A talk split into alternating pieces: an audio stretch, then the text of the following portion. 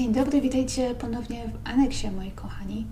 Dziś zajmiemy się sprawą niewyjaśnionego zaginięcia młodej dziewczyny, 18-letniej Jennifer Pentilli. Jest to sprawa, którą podsunęła mi jedna ze słuchaczek, także pozdrawiamy Paulę i dziękujemy. Nie jest to niestety historia, o której można znaleźć jakoś szczególnie dużo informacji, głównie ze starych gazet amerykańskich z lat 90., gdy ta sprawa miała miejsce, ale mam wrażenie, że powszechnie w internecie znów nie jest zbyt znana.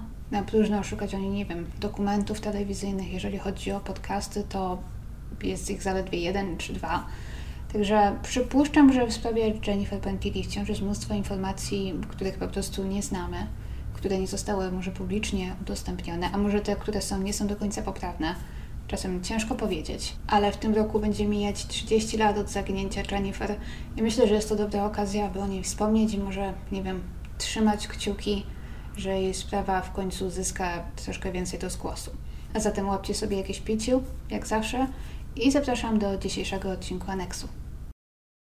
Jennifer Pentila, pomimo swojego młodego wieku, bowiem w 1991 roku miała zaledwie 18 lat, była niezwykle zdeterminowaną i odważną osobą. Urodziła się i większość życia spędziła w Montanie w USA i w wieku nastoletnim religia stała się dla niej niezwykle ważna. Planowała poświęcić swoje życie Bogu. Pisywana przez wszystkich jako sympatyczna, dobra, nieproblematyczna dziewczyna. Nie paliła, nie piła, nie impresowała, nie wagarowała, nie uciekała z domu. Miała jednak jedną, powiedzmy, wadę według jej rodziny. Gdy już się na coś zdecydowała, była niezwykle uparta. Jedną z ważniejszych rzeczy stało się dla niej również udzielanie się i pomaganie słabszym. Zaczęła więc pracę jako wolontariuszka, głównie poprzez swój kościół. Chciała pomagać gdzie tylko i jak tylko mogła. W czasie letnich wakacji, gdy chodziła jeszcze do szkoły, wyjechała raz do wybrzeża Kości Słoniowej. Z wyprawy tej jednak wróciła nie do końca zadowolona, ponieważ pojechała tam pełna nadziei, że będzie jej dane być wśród ludzi, pomagać im poznawać kulturę tego kraju. A zamiast tego umieszczono ją w ładnej posiadłości, ludzi, którzy na tę wymianę ją przyjęli. I przez kilka tygodni, w ciągu których Jennifer tam była, nie udało jej się zbyt wiele zdziałać. Po ukończeniu liceum, mając 18 lat, postanowiła zrobić sobie tak zwany gap year, czyli przeczekać rok, zanim pójdzie na studia i w tym czasie wyjechać na jakąś misję, może trochę popracować i popodróżować. W lipcu 1991 roku wyjechała na krótko jako wolontariuszka do Meksyku, gdzie bardzo jej się spodobało. I poczuła, że jest to miejsce, gdzie właśnie chce być i gdzie rzeczywiście może w jakiś sposób pomóc. Pracowała tam m.in. pomagając i remontując kościoły. Poczuła też bliską więź z wieloma innymi wolontariuszami, których tam poznała. Po powrocie do domu zaczęła więc od razu praktycznie planować kolejny wyjazd do Meksyku, gdzie miała zamiar jechać razem z innymi młodymi ludźmi z jej kościoła. Ułożyli taki plan, aby polecieć do San Diego w Kalifornii, które znajduje się tuż przy granicy z Meksykiem, tam przekroczyć granicę i kontynuować podróż dalej przez Meksyk na rowerach, aż w końcu dotrą do jednego z wielu miast, które potrzebowało pomocy wolontariuszy. Jennifer była zdeterminowana i podekscytowana.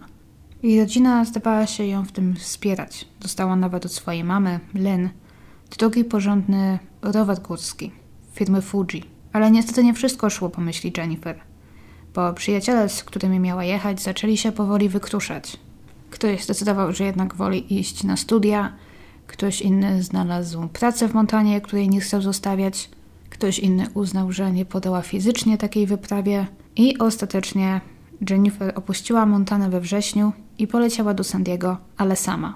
Wzięła swój rower, namiot, dwa plecaki, około 450 dolarów gotówce i kilka innych najpotrzebniejszych rzeczy – to dużo mówi o jej determinacji.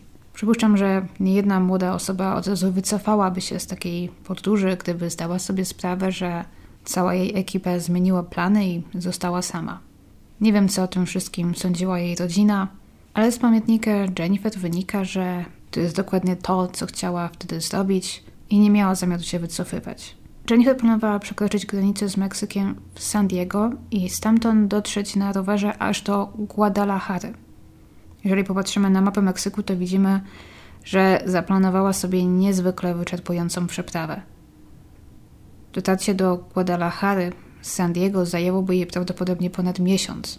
Do domu więc Jennifer planowała wrócić nie wcześniej niż za jakieś 5-6 miesięcy. Wiemy, że 5 października Jennifer przekroczyła granicę z Meksykiem w Tecate. Prosto stamtąd planowała przebyć prawie 2500 km do Guadalajary, docierając tam gdzieś w drugiej połowie listopada.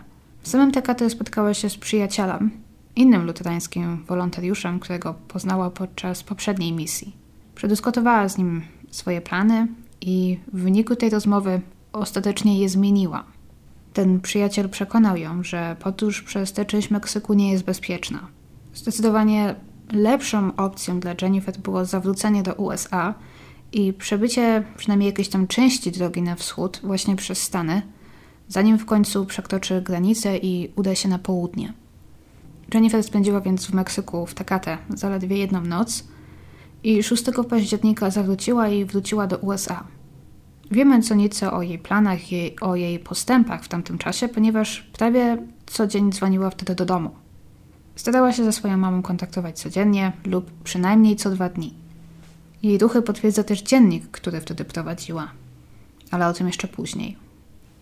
Tamtą noc Jennifer spędziła w namiocie. To była kolejną rzecz, którą właśnie sobie zaplanowała. Miała zamiast zwykle rozbijać obozowiska gdzieś koło kościołów lub spędzać noce w środku w kościele, jeżeli jej na to pozwolono. Następnego dnia, 7 października, starała się ruszyć na wschód, ale po drodze złapała gumę, więc spędziła trochę czasu zawracając do najbliższego miasteczka i próbując to naprawić.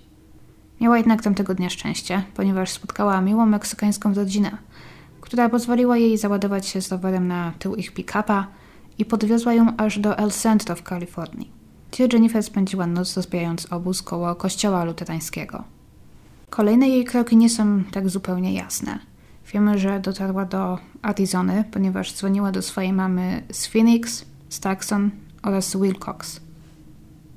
Pomiędzy niektórymi tymi miastami udało jej się złapać autobus. Wiemy też, że w końcu dotarła do stanu Nowy Meksyk. 17 października Jennifer zadzwoniła do swojej mamy z miasteczka Deming w Nowym Meksyku. Jak się zaraz okaże, był to jej ostatni telefon. Tym razem w głosie Jennifer dało się słyszeć zmęczenie cudami podróży i rezygnacja. Okazało się, że dziewczyna zmieniła plany. Powiedziała mamie, że bardzo tęskni za domem oraz za swoją najbliższą przyjaciółką z liceum, która poszła na studia w Minnesocie.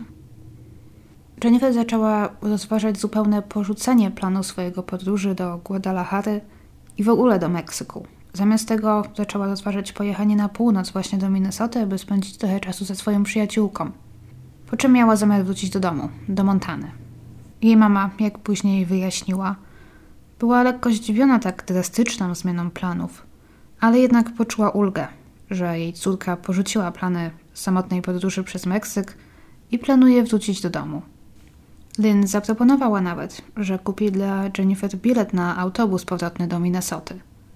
Ale dziewczyna powiedziała, że wciąż musi się nad tym jeszcze zastanowić i że jak na razie będzie dalej kontynuować swoją podróż i że zatrzyma się w kolejnym większym mieście, jakie miała po drodze Las Cruces w Nowym Meksyko, zaraz na północ od El Paso. Stamtąd miała zadzwonić za maksymalnie dwa dni z ostateczną decyzją. Ten telefon jednak nigdy nie nadszedł. Gdy Jennifer nie zadzwoniła od razu następnego dnia, Lynn nie martwiła się jeszcze.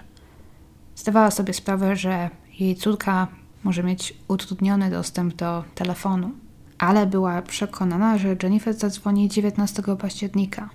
To były urodziny Lynn i nie mogła sobie wyobrazić, że jej córka nie złoży jej tego dnia życzeń. Telefon jednak milczał. Kobieta próbowała sama siebie przekonywać, że Jennifer zwyczajnie nie ma dostępu do telefonu, że utknęła gdzieś, i że telefon na pewno nadejdzie następnego dnia. Ale gdy i następnego dnia telefon milczał, nie mogła tego dłużej ignorować. Udała się na policję w Montanie, czy tak dokładniej w mieście Missoula, gdzie mieszkała, i złożyła zgłoszenie o zaginięciu Jennifer. A policja z Missoula przekazała tę informację do Nowego Meksyku, do wydziałów policji w Deming i w Los Cruces, ponieważ to najwyraźniej pomiędzy tymi dwoma miastami Jennifer zaginęła. A niedługo później Len i jej obecny mąż, ponieważ biologiczny ojciec Jennifer już wtedy nie żył, Przylecieli do Nowego Meksyku i zaczęli rozpytywać w Deming i w Los Cruces o Jennifer. Pokazywali jej zdjęcia, jeździli po okolicznych drogach, wypatrując śladu jej albo jej roweru. Znaleźli kilka osób, którym wydało się, że widzieli Jennifer lub kogoś jej podobnego, ale niewiele osób mogło powiedzieć im coś więcej poza tym, że widzieli jakąś dziewczynę jadącą na rowerze. W zależności od świadków, dziewczyna ta jechała w zupełnie różnych kierunkach. Jakiś czas później z skontaktowała się kobieta, która razem ze swoim mężem udzieliła Jennifer noclegu w nocy z 16 na 17 października, czyli dzień przed ostatnim telefonem Jennifer do domu. 16 października wieczorem Jennifer pojawiła się na nabożeństwie w ich kościele. Przypuszczam, że było to w Deming albo gdzieś w okolicach Deming. Po czym zapytała, czy może w tym kościele spędzić noc. Pastor i jego żona nie chcieli zostawiać nieznanej im dziewczyny samej w kościele, ale zaproponowali, że może zostać na noc u nich w domu. Jennifer tę propozycję przyjęła i według zeznania tej kobiety zabrali Jennifer do domu, ona tam zjadła z nimi kolację, wzięła prysznic, pooglądali razem telewizję, porozmawiali i około 22 dziewczyna poszła spać. Następnego dnia wstali wcześnie rano, zabrali Jennifer do McDonalda na śniadanie i podrzucili do kościoła, gdzie wieczór wcześniej zostawiła swój rower. Dali jej namiary na kościół baptystyczny w Las Cruces, bo to tam Jennifer planowała dotrzeć na swój kolejny nocleg. Powiedziała im, że stamtąd prawdopodobnie pojedzie do Minnesoty, aby odwiedzić przyjaciółkę. Jennifer podziękowała im za ich gościnę i pożegnali się. Nie ma jednak żadnych dowodów na to, aby Jennifer kiedykolwiek dotarła do tego kościoła w Las Cruces. Lynn i jej mężowi udało się też zlokalizować stację benzynową, z której Jennifer wykonała swój ostatni telefon 17 października. Pracujący tam mężczyzna imieniem Jesus oraz jego brat pamiętali Jennifer. Rozmawiali z nią nawet na temat jej roweru i Jennifer miała im powiedzieć, że zmierza do Meksykali, co nie miało za wiele sensu, ponieważ Meksykali jest miastem graniczącym z USA, ale Jennifer dawno już je minęła i aby dostać się do Meksykali, musiałoby zawrócić do Kalifornii. Dlatego bardziej prawdopodobne zdaje się być to, że Jennifer miała na myśli Meksyk, co dalej nie miało za wiele sensu, ponieważ zaledwie kilka chwil wcześniej powiedziała temu pastorowi i jego żonie, że jedzie do Minnesoty, a kilka chwil później to samo powiedziała swojej mamie przez telefon. Ale wytłumaczenie może być proste. Jeżeli kiedyś podróżowaliście sami, to może słyszeliście tę radę, żeby nie zdradzać za dużo o swoich planach. Jeżeli ktoś nieznajomy pyta, gdzie jedziemy, albo nie wiem, w jakim hotelu się zatrzymujemy, to najlepiej jest skłamać dla własnego bezpieczeństwa. Tak samo już na marginesie, jeżeli podróżujemy gdzieś sami i ktoś pyta, czy podróżujemy sami, to zawsze powinniśmy zaprzeczyć i powiedzieć, że nie wiem, jestem tutaj z koleżanką, z kolegą, z mężem, żoną i właśnie na nich czekam, albo coś w tym stylu.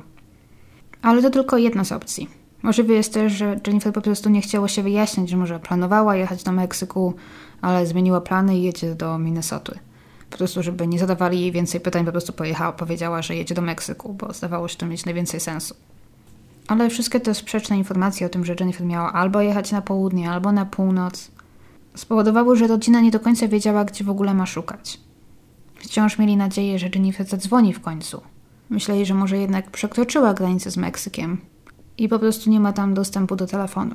Ale tygodnie upływały, a Jennifer nie dawała znaku życia. Gdy jej rodzina zaczęła się poddawać, w końcu pojawiła się nowa, chyba najbardziej przełomowa informacja w jej sprawie.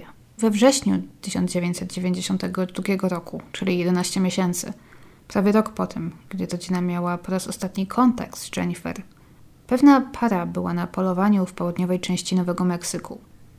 Około 10 km na zachód od miasteczka Hatch. Na pustyni znaleźli namiot. W środku zauważyli czyjeś rzeczy, schludnie poukładane. Było tam trochę ubrań, jakaś książka, plecak, butelka wody. Nikogo nie było jednak w pobliżu a oni nie śmieli zaglądać dokładniej do środka, czy przeglądać, w ogóle dotykać tych rzeczy. Obawiali się, że ich właściciel może w każdej chwili wrócić. Po opuszczeniu obozowiska sprawa jednak jakoś ich dręczyła. Mieli wrażenie, że coś w tej scenie było nie w porządku. Namiot był rozbity w raczej nietypowym, odludnym miejscu. W okolicy nie było zupełnie nic, może poza tym, że okoliczni mieszkańcy czasem jeździli w tamte tereny, aby nielegalnie wyrzucać tam śmieci. Biorąc pod uwagę prażące słońce i niesnośne upały, jakich można doświadczyć w Nowym Meksyku, ta para zaczęła obawiać się o bezpieczeństwo osoby, która ten namiot tam zostawiła. w końcu podjęli decyzję o zgłoszeniu tego na policję. Obiecano im, że ktoś pojedzie w tamto miejsce i rzuci na to okiem. Pomyśleli, że sprawa zamknięta, ale kilka dni później ponownie byli na polowaniu w podobnej okolicy i pomyśleli, że skoro już tam są, to rzucą okiem na ten namiot, zobaczyć, czy jeszcze tam jest. Tylko po to, aby odkryć, że wszystko znajduje się w tym samym miejscu co ostatnio. Jeżeli istotnie przydzielono jakiegoś policjanta do sprawdzania tego namiotu, to jeszcze tego nie zrobił. Tym razem ci ludzie postanowili poprzeglądać rzeczy pozostawione w namiocie. W środku znaleźli dwa plecaki, w jednym z nich notę z imionami i numerami telefonów. Znaleźli też portfel, w którym nie było wprawdzie zbyt wiele, nie było pieniędzy, ale było tam prawo jazdy ze stanu Montana, wystawione na nazwisko Jennifer Pentila. Zabrali część rzeczy ze sobą i po powrocie do domu zadzwonili na jeden z numerów telefonów, które znaleźli. Dodzwonili się do mamy Jennifer i szybko odkryli, że dziewczyna, której dokumenty znaleźli, zaginęła prawie rok temu. Ich znalezisko było pierwszym poważnym tropem w sprawie. Wśród tych wszystkich rzeczy znaleziono dziennik Jennifer, który pozwolił rzucić trochę światła na jej ostatnie dni i na decyzję o powrocie do domu. O tym jeszcze zaraz. Poza tym znaleziono też jej kask na rower, Walkmana, prawie wszystkie ubrania, dwie Biblie, jedną w języku angielskim, drugą w języku hiszpańskim, zapas wody i jedzenia oraz zestaw do filtrowania wody. Jedynym, czego zdawało się brakować, był rower, namiot oraz pieniądze, bo szacuje się, że w tamtym momencie Jennifer wciąż miała przy sobie pomiędzy 350 a 380 dolarów. I jeżeli chodzi o ten dziennik, Jennifer nie opisała może za wiele, jeżeli chodzi o samą podróż, ale pisała w nim na przykład o tym, że niekoniecznie spotkała się z najlepszym traktowaniem podczas swojej wyprawy. Wspomniała o jakimś pastorze i jego żonie, którzy pozwolili jej zostać na noc w kościele, ale para była nią prawie że poirytowana i Jennifer poczuła, że ci ludzie pomogli jej, ale niezwykle niechętnie i bardziej z poczucia obowiązku, z poczucia, że tak wypada, niż z bezinteresownej chrześcijańskiej dobroci. Jennifer napisała nawet Żona pastora była bardzo miła, ale niestety nie mogę powiedzieć tego samego o samym pastorze, jak i o innych. Nie jest to jednak ta sama para, o której ona się zatrzymała tuż przed swoim zaginięciem, ponieważ ten wpis pochodzi z 14 października, czyli tutaj mowa o kimś innym. Jennifer nie podobało się to, jak była przyjmowana w większości takich miejsc i uznała, że tamtejsze kościoły nie są zbyt przyjazne. Sugerowała też, że ludzie czasem się na nią dziwnie gapią albo ją ignorują, Napisała, że zaczyna się martwić o upadek chrześcijańskich wartości wśród chrześcijan w jej kraju. To wszystko plus trudy podróży i fakt, że może zaczęła tęsknić za swoją przyjaciółką na przykład, spowodowały, że Jennifer zaczęła poważnie myśleć o powrocie do domu. I o tym jej namiocie mówię, że to był obóz, ale szczerze nie jestem pewna, czy ten namiot był rozłożony, tak jakby ktoś miał tam na przykład zamiar w nim spać. Bo gdzieś zostało to właśnie tak opisane, że był to namiot, w środku były rzeczy, a gdzieś zobaczyłam to opisane raczej w taki sposób, że te rzeczy były poukładane na ziemi i przykryte namiotem. Nie wiem, jeżeli oczywiście to tam stało wiele miesięcy, no to ten namiot mógł się oczywiście zawalić, po prostu leżeć na tych rzeczach. Do czego zmierzam, to to, że nie jest jasne, czy to było dokładnie takie obozowisko, że ktoś tam rozłożył te rzeczy, żeby tam na przykład przenocować, czy te rzeczy były tam jakoś tak bardziej porzucone. Ciężko powiedzieć. Ale te rzeczy, czy ten obóz, został znaleziony na pustyni, na północ od drogi numer 26, która prowadzi od miasta Deming, gdzie rodzina miała po raz ostatni kontakt z Jennifer, do miasteczka Hatch. Nie jest to droga, którą początkowo zakładano Jennifer w ogóle obrała, bo zamiast kierować się prosto na wschód, w kierunku Los Cruces, jak wszystkim powiedziała, najwyraźniej pojechała w kierunku północno-wschodnim. Jeżeli to oczywiście Jennifer w ogóle rozłożyła tam ten obóz, to w pewnym momencie musiała zjechać z drogi numer 26, zjechać na północ i przejechać kilkaset metrów taką rzadko uczęszczaną drogą gruntową i w końcu rozbić obóz w pobliżu tej drogi, w zacienionym miejscu pod niewielkim krzakiem. Nie było to jakoś bardzo daleko od drogi, ale również w tamtym kierunku nie było zupełnie niczego, co mogłoby na przykład przyciągnąć jej uwagę, czy spowodować, że chciała jechać w tamtym kierunku. A fakt, że pojechała w kierunku trochę innym niż miasto Los Cruces, może sugerować, że albo zmieniła plany i postanowiła od razu kierować się w kierunku północnym, albo pomyliła się i obrała na przykład złą drogę, albo ktoś źle ją pokierował. Dziwną jednak wydaje się decyzja, aby rozbijać obóz w takim miejscu. Wszystkie poprzednie noclegi Jennifer, wszystkie o jakich wiemy, wskazują na to, że starała się rozbijać namiot w bezpiecznych miejscach, blisko innych ludzi. Wiemy, że spała albo koło kościoła, raz spała koło jakiegoś muzeum, albo właśnie prosiła o pozwolenie na nocowanie w kościołach. I dodatkowo, okej, okay, oczywiście rozumiem, że Jennifer nie niekoniecznie mogła to wiedzieć, ponieważ oczywiście w tamtych czasach nie miała ze sobą telefonu z Google Maps. Nie wiem też, jak dokładne były mapy, które przy sobie miała. Ale wierzę mimo wszystko, że wtedy przy drodze numer 26 były jakieś znaki drogowe. Bo z miejsca, gdzie Jennifer zjechała z drogi, znów zakładając, że to ona, było jedynie 12 km do najbliższego miasta, do Hacz właśnie. Dotarcie tam na rowerze zajęłoby jej około 35 minut. Wydałoby się więc, że to tam dziewczyna pojechałaby na nocleg. Chyba, że oczywiście jakoś przegapiła te znaki i nie była zupełnie świadoma, jak blisko ma do najbliższego miasta, albo może stało się coś innego, może źle się poczuła, nie miała siły, albo znowu złapała gumę na przykład. Ponieważ wciąż brakowało jej roweru, śpiworu i pieniędzy, jak i samej Jennifer oczywiście, to od razu przeszukano okolice wokół obozu. I nie wiem, jak duży obszar dokładnie został przeszukany, oraz jak długo poszukiwania trwały i jak duży obszar objęły, ale wiem, że niewiele więcej znaleziono. Sprowadzono też psy tropiące, ale ponieważ upłynęło ponad 11 miesięcy, to psy nie podjęły nawet tropu. Poza tym niestety nie ma zbyt wielu informacji dostępnych na temat jej sprawy, co uważam za dosyć przykre i dosyć dziwne, biorąc pod uwagę jak dziwna, jak fascynująca jej sprawa staje się być. Oczywiście hipotez jest wiele. Zaczynając od tych mniej prawdopodobnych, no to można podejrzewać, że Jennifer z jakiegoś powodu uciekła i może dalej prowadzi gdzieś życie, może istotnie jednak pojechała do Meksyku, gdzie pracuje na przykład, ale nie utrzymuje z nikim kontaktu z jakiegoś powodu. Coś, czego nie udało mi się nigdzie znaleźć, to to, co stało się z jej paszportem. Wiem, że znaleziono jej prawo jazdy, ale nie wiem, czy wśród jej rzeczy był paszport, no bo przypuszczam, że aby przekroczyć granicę z Meksykiem, no to paszportu potrzebowała ponieważ informacja o paszporcie nigdzie się nie pojawia. Nie znalazłam jej ani w spisie rzeczy znalezionych w namiocie, ani w spisie rzeczy, które podejrzewa się razem z Jennifer zaginęły. I nie wiem, jak to wyglądało akurat w 91 czy 92 roku. Nie wiem, czy da się na przykład na 100% potwierdzić, że nikt używając paszportu Jennifer nie przekroczył, czy nie próbował przekroczyć granicy z Meksykiem w tamtym czasie. Nie wiem, jak dokładnie to sprawdzono i czy w ogóle udało się to sprawdzić. W roku 1998 Len otrzymała telefon od kobiety z San Francisco, która utrzymuje, że widziała i rozmawiała z Jennifer właśnie w San Francisco, w okolicy zwanej China Basin. Nie wiem, czy Len czy ktokolwiek pojechała tam kiedyś w poszukiwaniu córki, ale wiem, że słowa tej kobiety nigdy nie zostały potwierdzone. Można też znaleźć informację, że Jennifer mogła być widziana w towarzystwie jakiejś bezdomnej kobiety imieniem Teresa. Ale ja, tak samo jak inni podcasterzy, którzy robili już materiał na temat tej sprawy, nikt chyba nie może znaleźć żadnego potwierdzenia, skąd ta informacja się wzięła.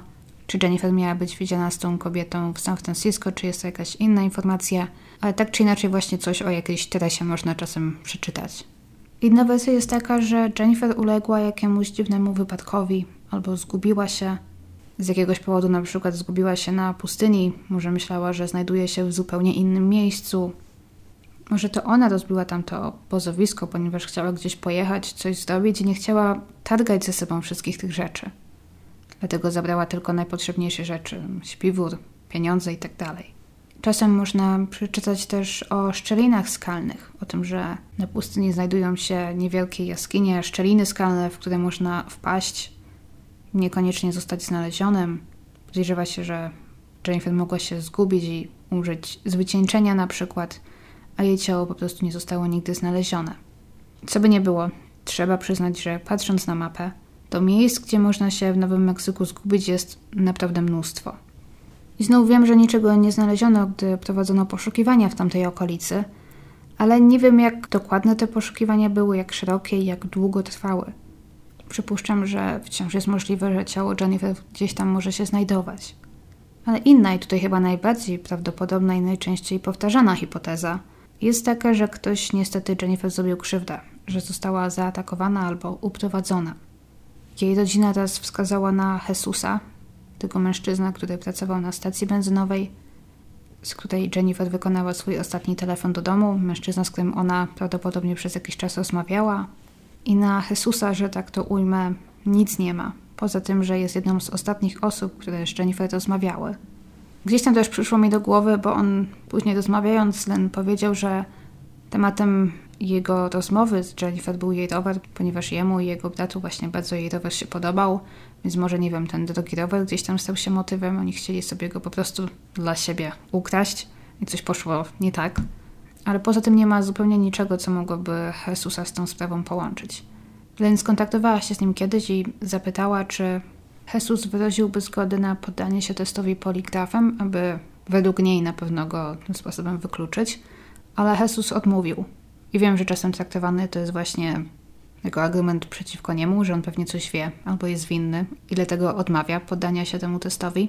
Ale jeżeli to nie jest pierwsza sprawa kryminalna, o której słuchacie w swoim życiu, to pewnie już wiecie, że w takich wypadkach zwykle odradza się wyrażenie zgody na taki test.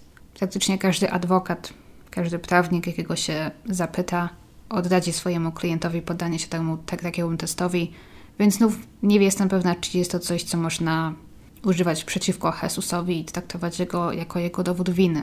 Można też znaleźć informację, że wiele, wiele lat później, bodajże jakieś 20 lat później, Jesus został aresztowany, ponieważ zabił w bójce swojego brata. Nie jest do końca jasny motyw, ale panowie o coś się pokłócili. Doszło do bójki, która w końcu skończyła się tym, że brat Jesusa stracił życie. Nie udało mi się znaleźć zbyt wielu szczegółów, ale znów może to gdzieś tam sugerować, że Jesus jest człowiekiem skłonnym do przemocy. Ale zostawiając Jesusa w spokoju, trzeba też zwrócić uwagę na to, że Jennifer mogła niestety wpaść w najróżniejszego rodzaju kłopoty. Jennifer w swojej podróży, jak widzimy, ufała nieznajomym, przyjmując od nich propozycje podwiezienia, jak na przykład ta pomocna meksykańska rodzina w Kalifornii, czy zatrzymując się na noc u ludzi, jak pastor i jego żona. Wiele osób uważa właśnie, że Jennifer niestety mogła zaakceptować pomoc od niewłaściwej osoby. Przez chwilę zastanawiałam się właśnie, czy to nie było coś w takim stylu, że może Jennifer miała ze sobą za dużo rzeczy, może było jej za ciężko, może zostawiła je w takim miejscu na pustyni, wiedząc, że nikt ich tam nie znajdzie i nie ukradnie. Zresztą nie było tam niczego zbyt wartościowego. Może poza tym Walkmanem. No i dziwne było jednak, że zostawiłaby tam swój portfel i prawo jazdy. No ale że zostawiłaby książki, dziennik, niektóre obrania, to ma to sens. Może ktoś powiedział, że na przykład gdzieś ją podwiezie, może złapała gumę właśnie i ktoś obiecał, że na przykład zawiezie ją do najbliższego miasta, aby mogła to naprawić. Nie wiem, po prostu próbuję znaleźć tutaj jakieś wytłumaczenie, dlaczego Jennifer miałaby tam zostawiać swoje rzeczy. Trzeba też chyba wspomnieć jeszcze o Tarze Kaliko, która zaginęła trzy lata wcześniej w Belen w Nowym Meksyku, również jadąc na rowerze, który również przepadł razem z nią zresztą. Sprawa Tary jest mi bardzo bliska, ponieważ gdy zaczęłam swoją stronę na Facebooku w roku 2014, a później i bloga, to sprawa Tary była jedną z pierwszych, o których pisałam. Była chyba gdzieś w pierwszej dziesiątce spraw, o których pisałam. Tara opuściła swój dom 20 września 1988 roku rano, aby pojeździć na rowerze dla sportu. Jeździła prawie codziennie, zwykle tą samą trasą. I pewnego dnia nigdy ze swojej przyjażdżki nie wróciła. Nie znaleziono nigdy jej roweru, a jedynie Walkmana, porzuconego przy drodze. Jaśmin ze Stanowo między innymi zrobiła już o tarze materiał, dlatego nie planowałam nigdy robić o niej podcastu, ale jeżeli chcecie, to dajcie znać. To, co czyni sprawę Tary tak wyjątkowym, jest pewne podejrzane zdjęcie, które jakiś czas później zostało znalezione na Florydzie, na którym wierzy się może być ona. Poza tym sprawę Tary i Jennifer łączy kilka rzeczy. Podobne miejsce, podobny czas, bo trzy lata odstępu to nie jest tak naprawdę tak dużo, oraz fakt, że obie dziewczyny były na rowerach i że oba rowery zaginęły razem z nimi. Nigdy nie wiedziałam, aby te sprawy jakoś oficjalnie razem łączono, ponieważ reszta okoliczności zdaje się być trochę inna, ale poza tym jednak gdzieś tam te niektóre podobieństwa są uderzające. Czy chociażby to, że w obu przypadkach dziewczyny porzuciły swoje Walkmany. Wracając do Jennifer Pentilli, to oczywiście wiele rzeczy, naprawdę wiele rzeczy mogło pójść źle podczas jej wyprawy. Wiem też, że wiele osób uważa, że dziewczyna podwała się na coś nierealnego i, i niewykonalnego na coś, co znacznie przerosło jej możliwości. Potrafię sobie wyobrazić, że podróż Jennifer była niezwykle trudna. Zaczęła pewnie w dobrym duchu, pełna motywacji i już pierwszego dnia ten przyjaciel w Tecate odradził jej podróż przez tamtą część Meksyku, dokłonił do powrotu i do podróży przez Stany. Przypuszczam, że kilka następnych dni mogło trochę, nie wiem, obrać z romantyzmu całą jej wyprawę. Potrafię sobie wyobrazić nieznośny upał, prażące słońce, trudy jazdy na rowerze oraz niepewność, czy Jennifer uda się na przykład danego dnia znaleźć w ogóle jakiś nocleg. Poza tym chyba warto też wspomnieć, że USA raczej znane jest z tego, że nie jest zbyt przyjazne niezmotoryzowanym. Podróż samochodem? Jasne, ale towarem albo pieszo, czy komunikacją? Już niekoniecznie. Jennifer odpisała też w swoim dzienniku, że na przykład były drogi, których musiała unikać, ponieważ rowery nie były na, nie, na nich dozwolone. Jennifer Pentila była zdecydowanie idealistką, wierzącą, że może zmienić świat na lepsze i że jeżeli tylko ma dobre intencje i dobre nastawienie, to Bóg ją we wszystkim poprowadzi i we wszystkim jej pomoże. Wiem, że w internecie można znaleźć mnóstwo słów krytyki dla Jennifer oraz dla jej rodziny, która nie zdołała ją przed tą wyprawą powstrzymać. Nie mam zamiaru tutaj dorzucać swoich. Fakt, że Jennifer podróżowała samotnie wciąż nie daje nikomu prawa do zrobienia jej krzywdy, jeżeli istotnie to do tego właśnie doszło. Poza tym słowa krytyki nie pomogą ani jej rodzinie, ani nie pomogą też w odnalezieniu jej. Jennifer była po raz ostatni widziana w niebieskiej bluzie, jeansowych shortach i butach trekkingowych. Razem z nią zaginął jej rower, opisany jako biały rower marki Fuji, który miał imię i numer telefonu jej mamy wygrawerowany w którymś miejscu. Więc jeżeli zostanie znaleziony, to identyfikacja nie powinna stanowić problemu. Gdzie więc jest Jennifer Pentila? Czy uważacie, że miejsce, gdzie znaleziono jej namiot, powinno zostać dokładniej przeszukane? Podziwiam odwagę i upór Jennifer oraz to, że była gotowa odbyć tak długą i męczącą podróż sama.